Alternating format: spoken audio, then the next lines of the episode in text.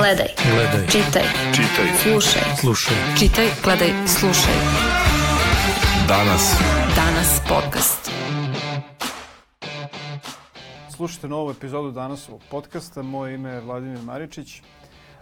Jedan od najčitanijih tekstova protekle sedmice na portalu Danasa bila je vest o tome da je crnog, porodica crnogorskog premijera morala da napusti Srbiju zbog izvesnih pritisaka ovde, a čitavcima je takođe privukla e, vest, komentar hrvatskog premijera Zorana Milanovića e, na praznik Dan zastave koji, kojem smo svedočili ove nedelje, odnosno toj proslavi. Međutim, danas ćemo govoriti o drugoj temi, e, zato što ove sedmice država Srbija je izbila na drugo mesto po broju novo zaraženih na milion stanovnika u Evropi. Kad se gleda, ispred nas su e, možda Crna Gora i još neke zemlje e, kojih sad ne mogu, ne mogu da se setim sve da ih pobrojim. U svakom slučaju danas ćemo pričati o propuštenim prilikama. Kad kažem propuštene prilike, tu mislim najpre na vakcinaciju i to na vakcinaciju mladih kao meru da malo spremnije uđemo u očigledno novi talas korone koji, koji se zalaufao. I evo, u trenutku dok se ova emisija snima, mi strepimo da li će danas broj novozarašenih preći brojku od 8000. Da podsjetim, to je najveći broj, 7999 novozaraženih u jednom danu koji smo imali prethodne godine u decembru mesecu. Ono čemu ćemo još govoriti, što je ključna tema ove emisije, zapravo su greške u komunikaciji, odnosno pogrešne poruke koje su koje nadležni struka šalju javnosti, ali takođe i mediji kad je reč o samoj vakcinaciji i imunizaciji. O svemu ovome razgovaram sa mojim gostima, Marijom Ratković, osnivačicom Centra za biopolitičku edukaciju, Nevenom Trofimenko, koordinatorkom omladinskog programa Beogradskog centra za ljudska prava i Urošem Savićem Kajinom, predsednikom Upravnog odbora Krovne organizacije Mladih Srbije. Dobrodošli i hvala što ste odazvali poziv. Hvala. Hvala na pozivu. Evo za početak, pre nego što krenem da, da postavljam pitanje i da guram razgovor u smeru u kojem sam namerio, ovaj, šta mislite, evo ko je najspremniji od vas da odgovori, a, mislite da je na snazi neki švedski model ovde kod nas u ovom trenutku, samo da nas niko nije obavestio? Da je prokužavanje jedno u toku i da Pa ne znam da li je na snazi švedski model, možda prećutno. Čitam u medijima da, da ga tako nazivaju ljudi iz struke, pre svega lekari. Ovaj, mi jako puno kroz naš omladinski program sarađujemo sa studentskom poliklinikom i zapravo to je izvor poverenja bezgraničnog jer ovo što dobijamo iz od drugih lekara malo je, kako bih rekla, jedna čudna situacija da vi dobijete oprečna mišljenja toliko jasna i tako polarizovana iz struke. Na kraju smo mi odlučili da se vežemo za jednu ustanovu i da to bude studentska poliklinika. Ona je nama zapravo i najbliža i tu pratići uputstva i epidemiološke Mile Paunića i svega što se dešava ovaj, zapravo mi sami ne znamo šta se dešava. Svi su zbunjeni, a opet se trudimo da se zaštitimo i da motivišemo mlade da nekako ponovo povrate poverenje u institucije i u struku ako je to uopšte moguće. Pitanje je da li je moguće, pošto um, sve ovo čemu svedočimo više od godinu dana, godinu i po dana, ovaj, nas demantuje iz dana u dan. I ja razumem potpuno jednu mladu osobu, kao što razumem i sve ljude ko, sa kojima se susrećem, koji su zbunjeni i ne znaju šta da rade, pa u jednoj nekad nose masku, nekad uh, imaju na, masku ispod nosa, nekad su jednog dana su za vakcinaciju, drugog dana su protiv, jednog dana čuju da je neko ko je primio vakcinu se zarazio opet, to je jedna opšta konfuzija. Zapravo niko nije u kapacitetu da stane pred te ljudi i da im jasno objasni šta se dešava i tako dalje. Tako da ne znam da li je švedski model na delu, ali živimo nešto jako čudno trenutno. Ja bih rekla da je, e, da je kod nas na stazi, kao i u ostalim e, političkim pitanjima, e, na stazi je populizam. Jednostavno to nečinjenje zapravo je podilaženje e, svim, e, kako bih rekla, frakcijama u isto vreme, e, po principu svi su u pravu, E, ko hoće da se vakciniše, hoće, a ko neće, ne mora. Evo, svi su jednako, sva mišljenja su jednako vredna, a to prosto nije tačno. I mi generalno imamo taj problem, e, pre svega kod vlasti, što ne postoji osoba sa dovoljno integriteta ko će izaći javno reći naučne istine. Dakle, naučna nesporna istina je vakcine rade. Naučne nesporne istine su da vakcinacija nije nikakav cilj, nego je to sredstvo prevencije određene bolesti. Takođe, pored toga su druga sredstva prevencije, kao što je držanje distance fizičke, kao što je e, izbegavanje okupljanja, kao što je... Znači, mi smo potpuno e, narod e, u Srbiji oslobodili bilo kakve odgovornosti za svoje ponašanje, zato što to vlasti odgovara i po potrebi se pritiskaju dugmići, hajde sada uradite ovo, hajde sada uradite ono. Ono što bi bila zdrava alternativa takvoj vrsti populističke politike jeste jedan dugoročni plan izgradnje e, zdravog društva u kome su oni ljudi ne samo fizički zdravi, nego e, izgradnja e, e, politički svesnik subjek, subjektivizovanih građana koji, e, građanki koje su sposobni sami da odlučuju za sebe u odnosu na to šta su objektivno, e, objektivne nauče činjenice. Dakle, to ne znači da svako treba da odlučuje tako što će čitati različite portale, nego tako što će doći struka i ne- nedvosmisleno prikazati ono što su naučne istraživanja. I lekari neće govoriti stvari kao što su niko ne zna, ništa se ne zna, jer to prosto nije tačno pre svega. Dok mi ovde sedimo, neki ljudi, između ostalog, i na klinikama, u institucijama institutima koje mi imamo, rade da saznaju više, uključeni su međunarodne istraživanja, na našim e, velikim, e, kako bih rekla, centrima znanja postoje stručnjaci koji rade i trude se da ovom globalnom problemu daju svoj doprinos, a oni se nekako skrivaju i izjednačava se, njihov trud se poništava, izjednačava se svaki argument na svetu. I to jednostavno ne može da vodi u neke e, e, pametne, odgovorne e, ljude koji će znati da odluče za sebe i odlučit će ispravno za sebe, za svoje okruženje i za svoju decu. Nego se od tačke A do tačke B ide nekim čudnim putevima i mislim da uz takvu politiku jednostavno e, ovoj epidemiji se ne nazire kraj. E, da.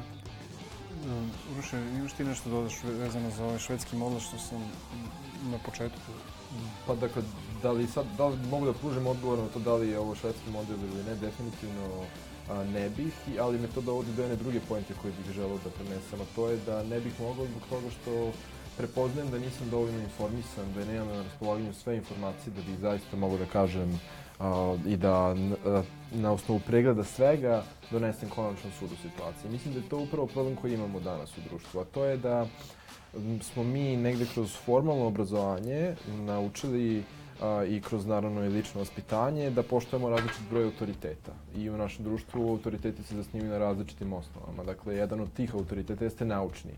I ono što jeste problema, što čini mi se da je pomenula Nevena malo čas, a to jeste da mi imamo različite izjave, nekada i kontradiktorne naučnih autoriteta. I da mi zaista sad jesmo u poziciji da je teško a, u, mogu da zamislim, to jest da je teško mladoj osobi a, kada vidi polarizovana naučna mišljenja u medijima da donese informisanu odluku. Tako da po meni je definitivno potrebno da negdje sad prepoznamo potrebu za time da u formalnom obrazovanju uvežemo neki deo zdravstvene pismenosti, što jeste jedna od preporuka, inače i kampanje Vakciniše se koju a, trenutno promoviše 145 organizacija civilnog društva i koja ima za cilj da se do, dođe do nekih izmena koji će dovesti do toga da se uči na osnovu ove situacije. Jer je očigledno da nismo bili spremni za nju na osnovu podataka koje imamo.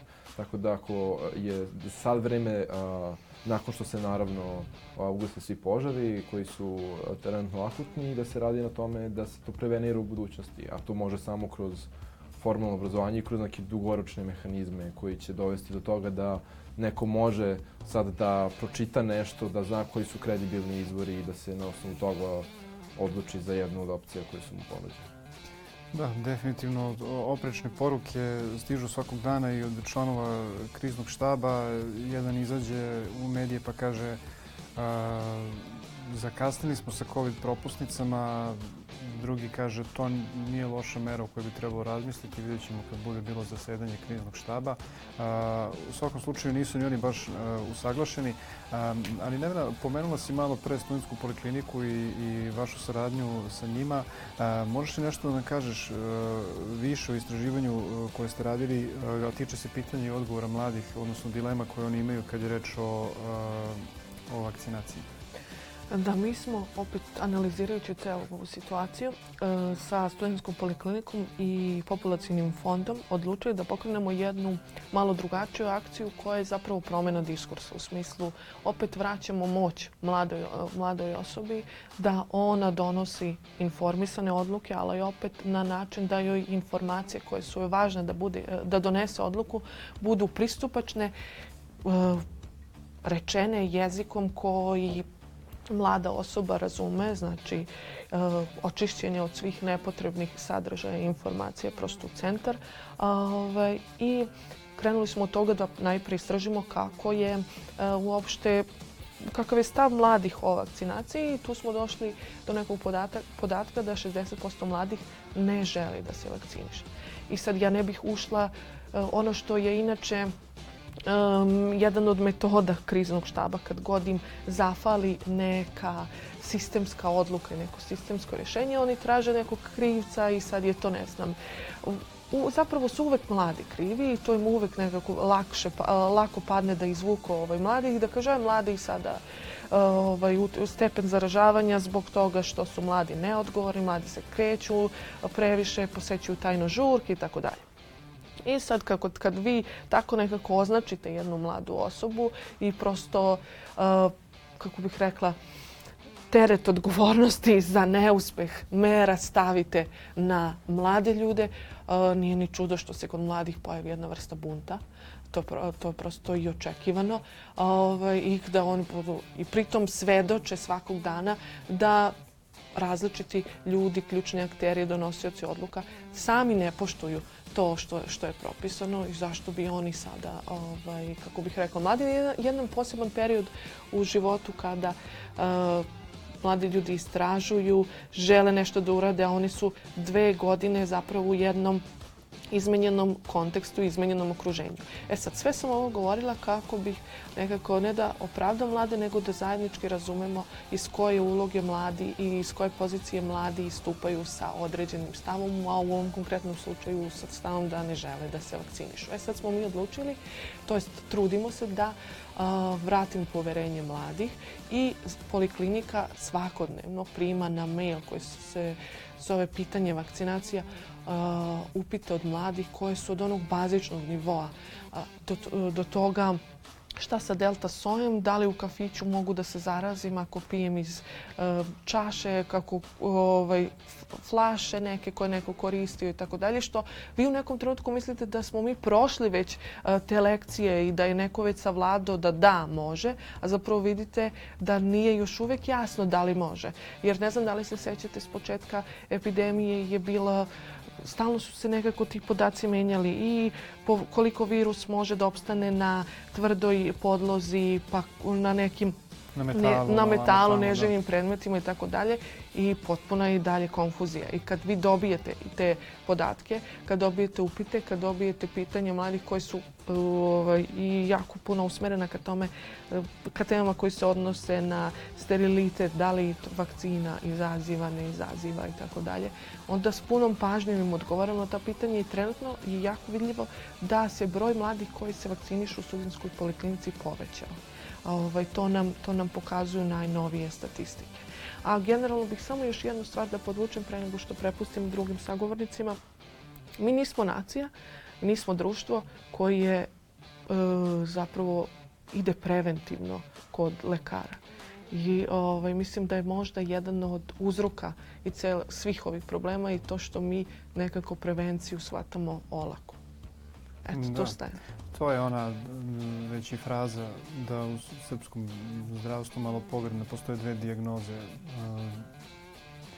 Šta si čekao do sad i nije ti ništa. Tako da malo i to doprinosi tom našem shvatanju. Mislim, takvi, takvi smo očigledno, mislim, glupo donositi te globalne zaključke, ali da, postoji problem očigledno o kojem si govorila. Um, Uroša, čuli smo ovo što je Nevena rekla o ovim podacima. Um, Krovna organizacija Mladih Srbije je također radila istraživanje prošle godine i ove šira uh, istraživanja, ali u okviru kojih ste se bavili i vakcinacijom i uh, dilemama i odgovorima mladih na tu temu. A, možeš da uporediš, da nam kažeš ono, da li ste došli do nekih drugih zaključaka? U, podaci su u skladu s onim što je Nevena rekla. Dakle, veliki broj mladih a, ne planira da se vakciniše. Iz alternativnog izveštaja o položaju i potrebama mladih koje je KOMS objavio svake godine, ove godine imamo podatak, s obzirom da smo naravno a, pokušali da mak dobijemo što više informacija o situaciji sa vakcinacijom i stavovima mladih prema njoj. Samo 14% mladih koji su bili u uzorku istraživanja se vakcinisalo, a 32% kaže da namerava da to učini.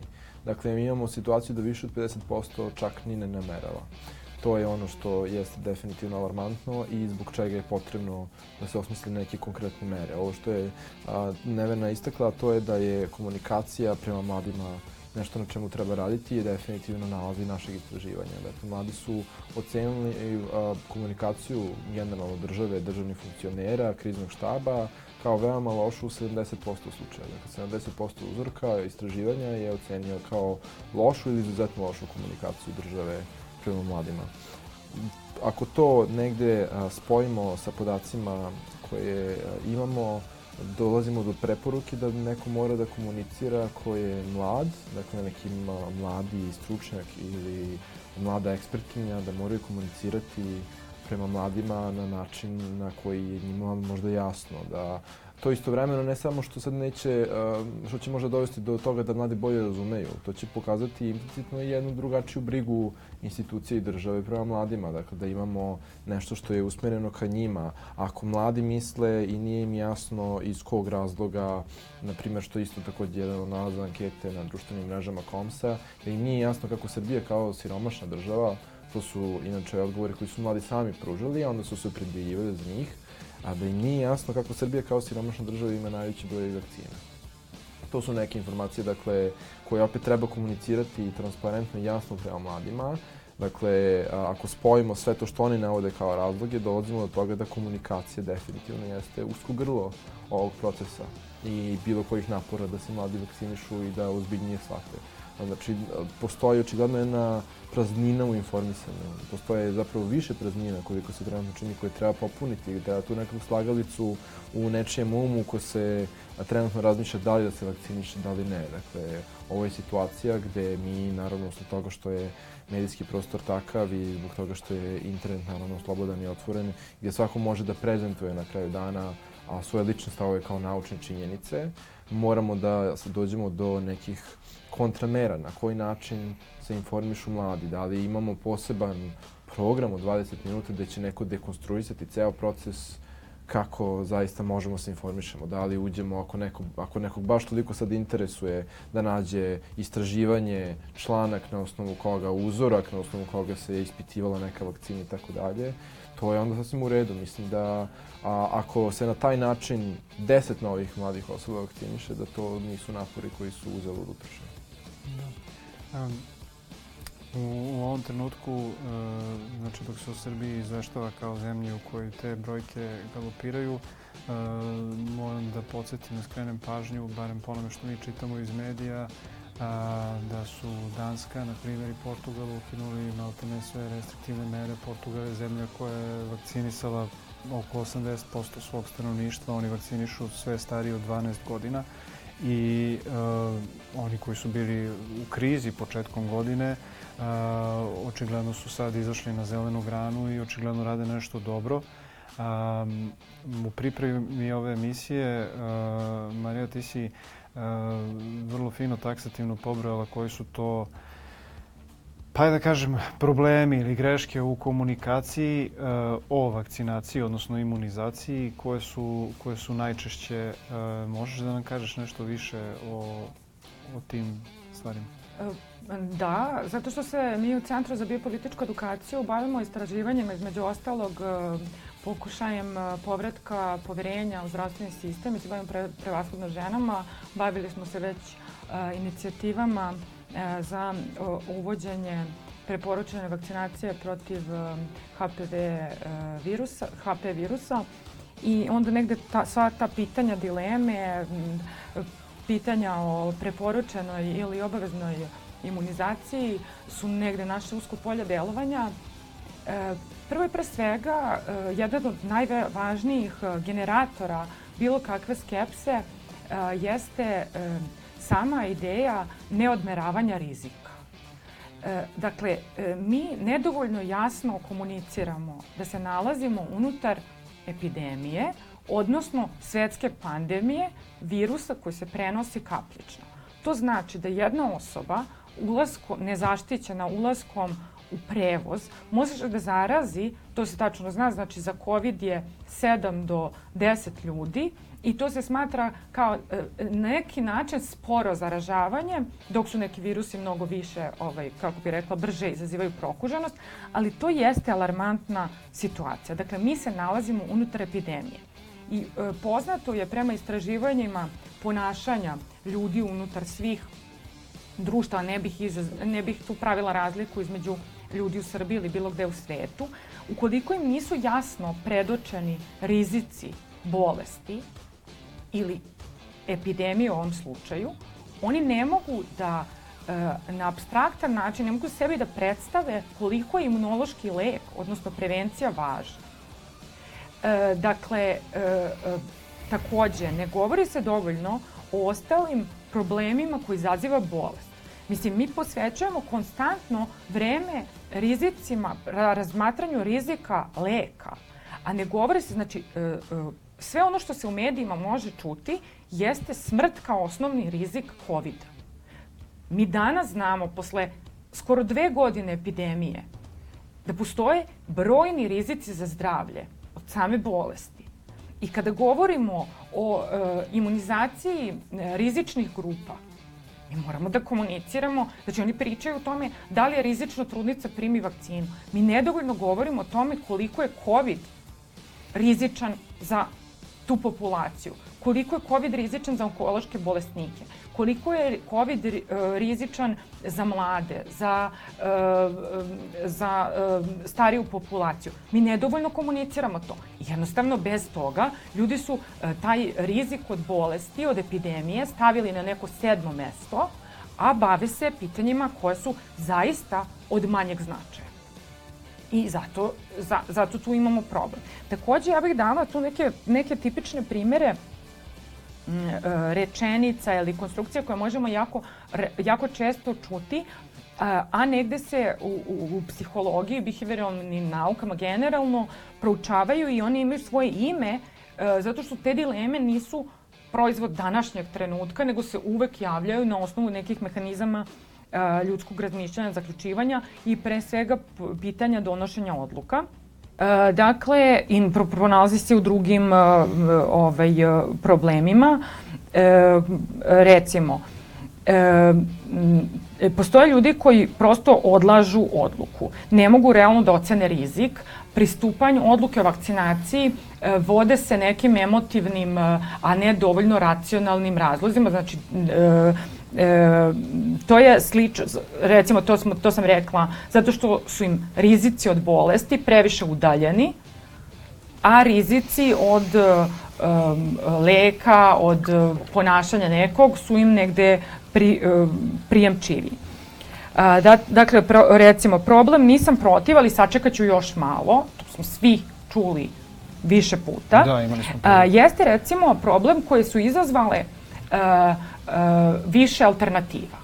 Dakle, tu ima sad ono što se pogredno zove švedski sto vakcina i onda ljudi ulaze u neko e, premeravanje kao da kupuju kola, pa su e, vakcina ova ovakva, vakcina ova ovakva, sad se tu ulazi u celu priču i taj problem je zapravo da povećanje broja podjednako privlačnih alternativa zapravo smanjuje verovatnoću njihovog izbora i ostanja pri statusu quo. Dakle, čeka se kada je to neka trka koja će vakcina da pobedi u izboru za mis vakcine, pa kada onda budemo imali gotovo koja je najbolja na svetu, e onda ćemo da se vakcinišemo. Znači, e, nauka je vrlo striktna. Prva vakcina, najbliža vakcina je najbolja vakcina. Znači, ona koju najranije se zaštitiš, to je već jako velikom broju, znači već preko 70% smanjen rizik od teških posledica COVID-a. Dakle, to odlaganje, nedovoljno se komunicira, da je odlaganje zapravo veći rizik od bilo kog neželjenog efekta bilo koje vakcine. Dakle, uopšte ne ulazimo u to. E, to je takođe moglo da se predupredi idejom da građani treba aktivno da se uključe u e, imunizaciju od samoga starta. Dakle, onog trenutka kada se na svetskom nivou pojavio prvi lek za preventivu, tada smo svi trebali da pohrlimo, da kažemo hajde da damo svoj doprinos odmah. Uopšte ne, znači ako štiti 20%, 20% je više nego nula. Mi govorimo, kad govorimo o vakcinama, da svaka štiti više od 80%. I sad ljudi ono odlučuju da li ovo što je 89 ili ova 92. Ti procenti su apsolutno u tom smislu nebitni. E, dakle, e, druga e, problem onoga što se dešava takođe pojavilo se problem Pfizer elite. Dakle, e, e, imamo, to se, to, taj problem se u psihologiji zove kognitivna distonanca, odnosno Hajderova ravnoteža i to znači da ono da uprošćeno kaže da ako je nešto kompleksno, skupo, to se opravdava time da mora da je bolje od ostalih opcija. I sad, znači, imamo jednu vakcinu za koju je potrebno posebno čuvanje, e, skuplja drugih i tako dalje i odjednom, znači, to se kod e, publike, da tako kažemo, odmah percipira kao, uh, mora da je ovo nešto najbolje. Što apsolutno ne mora da znači kao tačno, ali eto, pot, mislim, to je isto. Takođe, jedan od uobičajenih stavova e, je, recimo, problem kampanja kampanje, bilo koje kampanje za vakcinaciju, e onda se javlja taj stav da su vakcine dobre, njima ne bi potrebna bila reklama. Znači, mi govorimo o komuniciranju ideje mi imamo lek za epidemiju. Dakle, postoji, lek je dostupan. I onda to se nekako transformiše kroz kao neke gluve telefone, do toga da sad postoje ljudi koji su za vakcine i protiv vakcina i da jedni i drugi razlače narod, hajde ovo, hajde ono. Tako da tu postoje sad, e, da, dakle, um, ono što bih za, zapravo što, samo da. jednu do, dodatnu stvar koju bih volela da istaknem, da je na naučnom nivou ekstremno važno komunicirati činjenicu da vakcina sama po sebi nije cilj nikakav, niti vakcinisanje ljudi. E, to je jedna medicinska procedura u celom sklopu prevencije koja može da da najpovoljniji mogući ishod za svakog od nas, dakle da je 100% siguran. To znači ja mogu biti 100% sigurna da se neću a, zaraziti samo ukoliko poštujem e, mere e, distance, ne idem na okupljanja, ne dovodim se u rizičnu situaciju, koristim imunološki lek odnosno vakcinu i odgovorno se ponašam u svojim svakodnevnim aktivnostima. Samo na taj način rizik može da se približi nuli.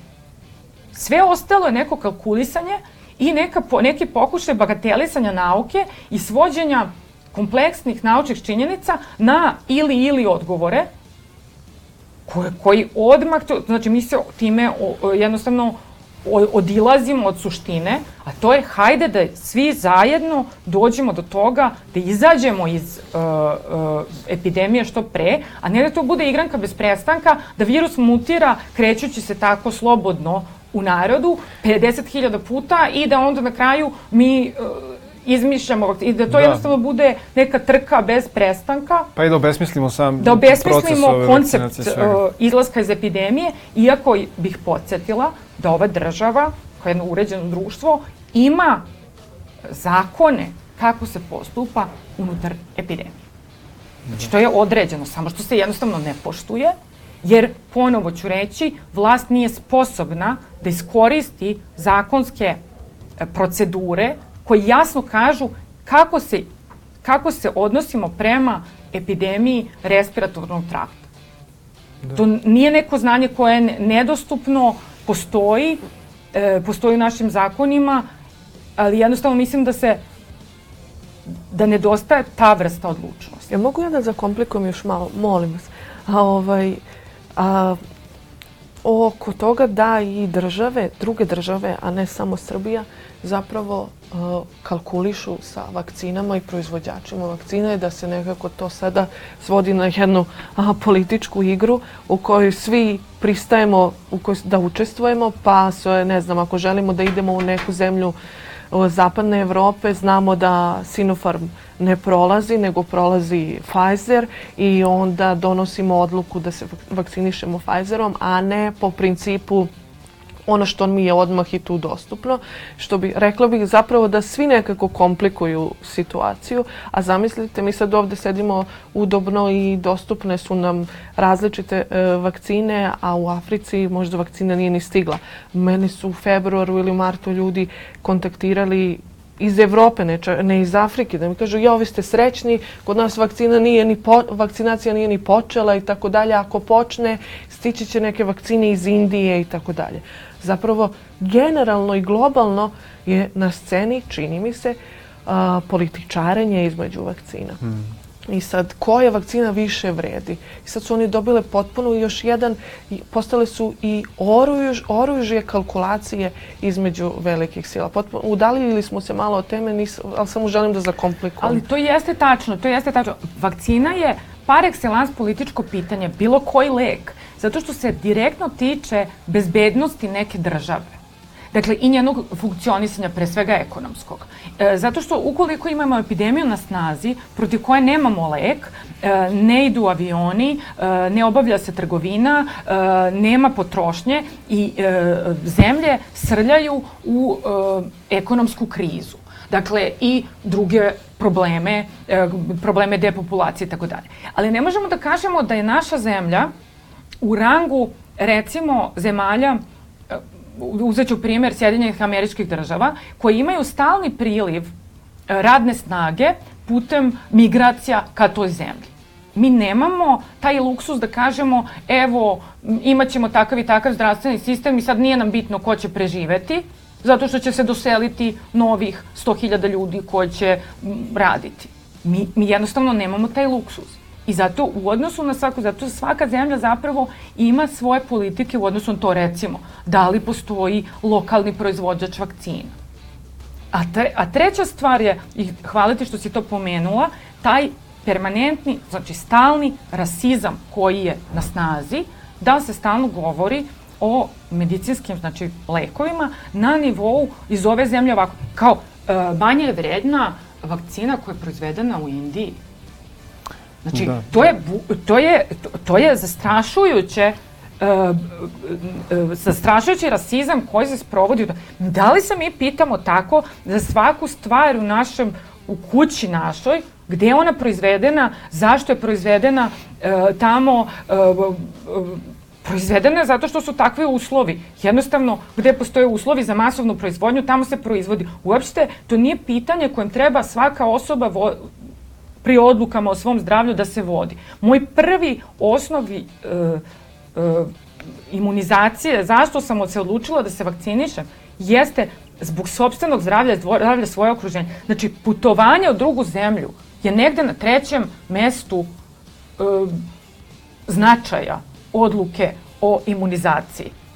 Dakle, prvo da budemo živi, zdravi, a posle toga da vidimo gde ćemo, kako ćemo putovati, jer neka zemlja, nekoj zemlji, kao što smo bili svedoci u ratovima, može da stavi ekonomsku blokadu, može da stavi blokadu putovanja. I to ne zavise samo, nećemo da mešamo nauku i medicinu sa političkim odlukama koje imaju različite sad implikacije i različite uzroke.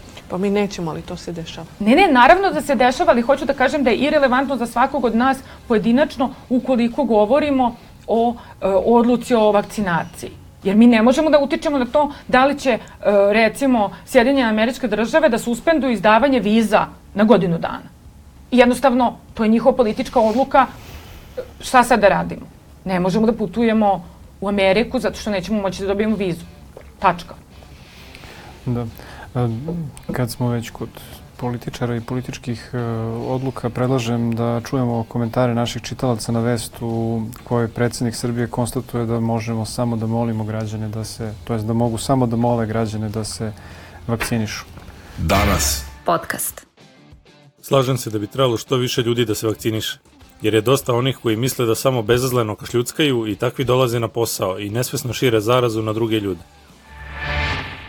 Nekima i dalje ne vredi pričati da je vakcina jedini spas, a zbog takvih će mnogi ispaštati.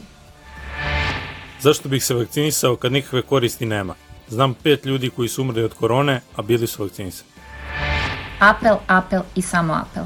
A možda je vreme i za neke radikalnije mere u tom smislu. Dosadio si Bogu sa tom vakcinacijom. Bre, ako neko hoće ili odbija da se vakciniše, to je lična odluka i niko drugi ne može ni na koji način da utiče na tu odluku. Samo vakcinacijom možemo pobediti ovaj opasan virus. Budimo odgovorni građani prema sebi i prema drugima. Nije nama lako. Slušaj Danas podcast. A, slušajte danas u podcast, evo čuli smo ove, komentare čitalaca. A, Marija Pauzić je rekla da zanimate da li je ovo kapitulacija države, ovaj, ovo što je predsjednik izjavio.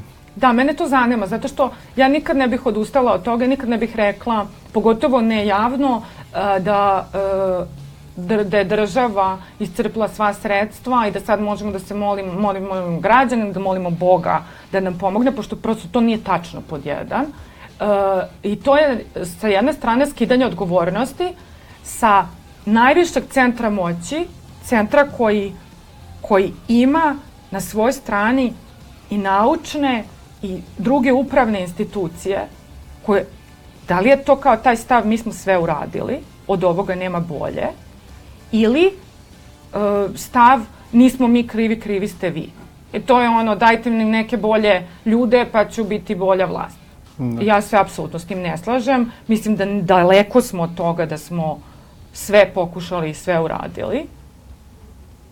Šta više, mislim da ono što, što se dešavalo je dosta, dosta bilo pogrešnih koraka. Da.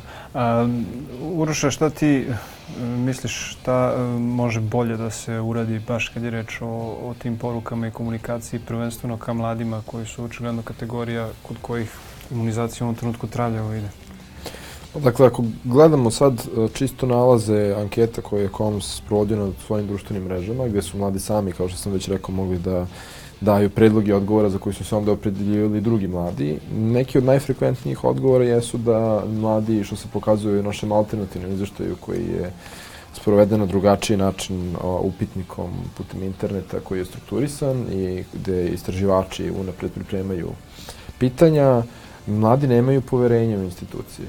I ono što je glavno jeste da je potrebno, da je ova situacija pokazala koliko je važno raditi na tom poverenju. Jer situacije kao ove koje ne mogu da se predvide, zaista iziskuju to da kada izađete i date neke informacije u javnost i u javnosti iznesete neke preporuke za ponašanje građana, da vam građani na kraju dana veruju i da a, zaista mogu da učine to sa punim poverenjem. Kada su u pitanju mladi, jednostavno iz naših istraživanja se vidi da mladi nisu zadovoljni na način na koji se komunicira prema njima, da ako uzmemo u obzir generalno a, programe institucija i a, negde vidimo kako su to mladi u različitim programima definisani i vidimo da, da zapravo u velikom broju njih mladih nema.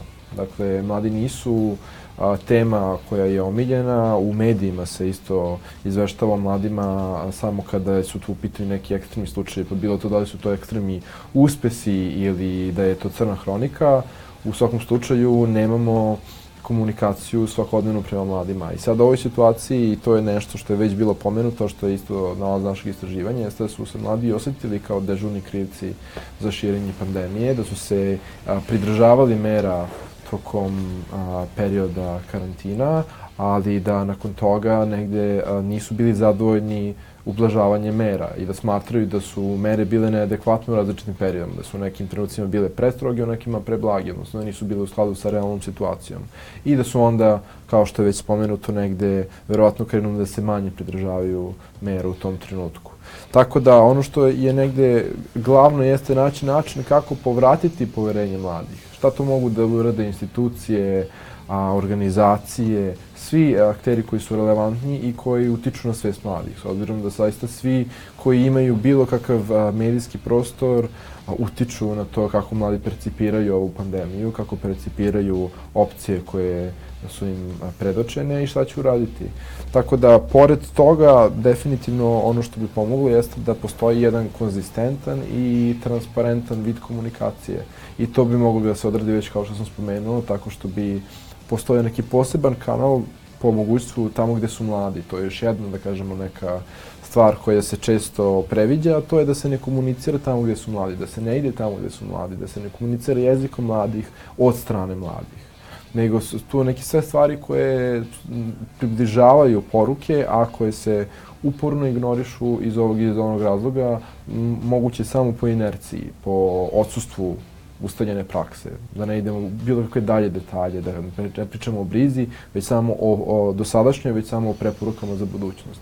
Tako da dominantno, ako prođemo te razloge, to je a, nepoverenje, osjećaj da su mladi primorani, neki ne veruju to da korona postoji da je opasnost. I sada ono što nam ovo ukazuje jeste da grupa mladih sada koja ne žele da se vakciniše nije homogena, da imaju vrlo različite razloge i da je potrebno onda apelovati na različite grupe mladih različitim razlozima. Ako neko ne vidi uh, rizik, ako neko ne vidi svrhu prevencije, mora se na neki način zaista na kraju dana možda a, targetirati šta je to što je važno. Da li je važno da zaštitimo bližnje, pa nije bitno koja je nauka iza toga. Moramo da uzmemo obzir, malo pre Marija pomenula proces donošenja odluka kod ljudi koji je definitivno ograničeno racionalan. Ljudi se vode različitim prečicama, heuristikama u razmišljanju, donose zaključke na osnovu malog broja informacija ili nekad uh, jednostavno nemaju relevantne informacije, ne uzimaju relevantne informacije u obzir. Ako uzmete u obzir istraživanja Daily Maila, ljudi glasaju na, za političke kandidate na osnovu njihovog izgleda. Znači, dešavaju se stvari koje nisu racionalne, ali to je opet nije nešto na čemu se može raditi preko noći već možemo da identifikujemo šta su to koji su važni razlozi ljudima i da na taj način to promovišemo. Dakle, ako je nekom važno da ne, za, da ne zarazi bližnje i da a, svi njegovi budu zdravi, onda je to način da budemo sa svojim porodicom zdravo. Ako je nekom bitno da putuje, mislim da je to takođe validan na bilo koji incentiv u ovom trenutku koji, do kog možemo da dođemo, ja mislim da je značajan, jer imamo zaista alarmantno stanje. Da. Složila bih se sa tim i, e, i pomenula bih da moramo da odgovorimo na stvarne probleme i stvarne potrebe e, svih grupa ljudi, ne samo mladi. Ako mlada zanima kako da bez, e, bezopasno, recimo, proslave 18. rođendan, dajmo taj odgovor. Kako, šta, šta tačno radimo? E, pravimo pauzu u kontaktima e, dve nedelje pre, to, pre proslave. Proslava se dešava, na primjer, na polju. E, ljudi se vakcinišu. Sad je nedavno sam pozvana, nedavno sam bila pozvana na jedan rođendan kod ovaj, devojke koja boluje od cistične fibroze. Dakle, postoje mnogo ljudi u kome mi pričamo, postoje načini da se prevaziđu teška stanja, da život nestane. Ali moramo da govorimo o tome. Ne možemo samo reći ili ili, ili haj ho, ludujemo, radujemo se, ljubimo se i tako dalje, ili e, sedimo u kući. E, treba da to nekako e, osnažimo ljude, da pokušaju da uz nauku shvate na koji način oni mogu bezbedno da idu na posao, na koji način mogu bezbedno da se školu, na koji način bezbedno mogu da proslave rođendan ili ono do čega je njima stalo, a tu su vakcine i sve ostalo samo jedna pomoć da što pre izađu na kraju krajeva, kako da se što pre izađe iz teške epidemiološke slike i tako dalje. Ono što je jako zanimljivo, a bitno je reći, e, to je bilo na jedna od informacija kako je radio e, Levač u, u Šumadiji, e, kako to radi svakoga dana, pruža informacija koje su relevantne, dakle, u kraju koja je epidemiološka slika, gde su punktovi za imunizaciju, šta znači možemo da uradimo, da damo taj spektar, šta sve može da se uradi, pa da ljudi prema onome što im je dostupno, što im je moguće, i da bude što više toga besplatno, što više toga e, dostupno i što više informacija relevantnih e, dostupnih svakom. Ja bih najradije volela da a, naše poruke stignu do mlade osobe i do a, najnepristupačnijih mesta u Srbiji, tamo ovaj, gde nemamo samo a, nacionalnu televiziju. A, možda to znači da treba baš i otići u ta mesta i direktno razgovarati sa ljudima, jer ako radimo na iz, po, izgradnji poverenja ponovo, direktan kontakt je nešto što, što mi se čini da nedostaje i moramo nekako da budemo što je moguće više u zajednicama, naravno poštujući sve epidemiološke mere, jer je to jedini način da promenimo kontekst. Malo sam sada, pošto i dugo godina sam u svemu ovome, čini mi se da promena ne potiče iz Beograda. Mislim, potiče na nekom nivou, ali ako lokal ne oseti, a nema, nažalost, prilike da čuje različito mišljenje, mislim da ćemo dugo biti zarobljeni u ovakvom sistemu bez prilike da se on menja. E, a ono što sam samo htjela da dodam na to što kažeš što je jako važno, jeste ta priča koja mora da potekne od institucija. Mi imamo sredstva, imamo ovaj, Srpsko lekarsko društvo, posto, postoji ta mogućnost da se rade edukacije lekara, da se rade edukacije prosvetnih radnika, da se rade edukacije unutar svih institucija, vojske, policije, sudovi i tako dalje, da svi oni koji donose odluke o svojim zaposlenim, o nekom širem krugu ljudi, svi oni koji imaju jako veliki um, uh, uticaj, da budemo sigurni da su oni u toku sa najnovijim, um, najnovijim naučnim saznanjima, zato što nauka je dinamična, saznajemo mnogo toga. Pre godinu dana nismo znali o opasnosti od uh, tromba, a sada znamo, od, unutar, ovaj, unutar bolesti uh, ovaj, izazvanih COVID-om i tako dalje. Dakle, mi, mi prosto svakoga dana saznamo i moramo da znamo da su svi oni koji odlučuju uh, 100% informisani da bismo izbegli tu i tu jako često takođe zabludu, ne zna se dovoljno. Zna se svakog dana sve više i više. Hvala vam svima na zanimljivom razgovoru. Sledeće nedelje slušajte moje kolege i njihove sagovornike. Gledaj. Gledaj. Čitaj. Čitaj. Slušaj. Slušaj. Čitaj, gledaj, slušaj. Danas. Danas podcast.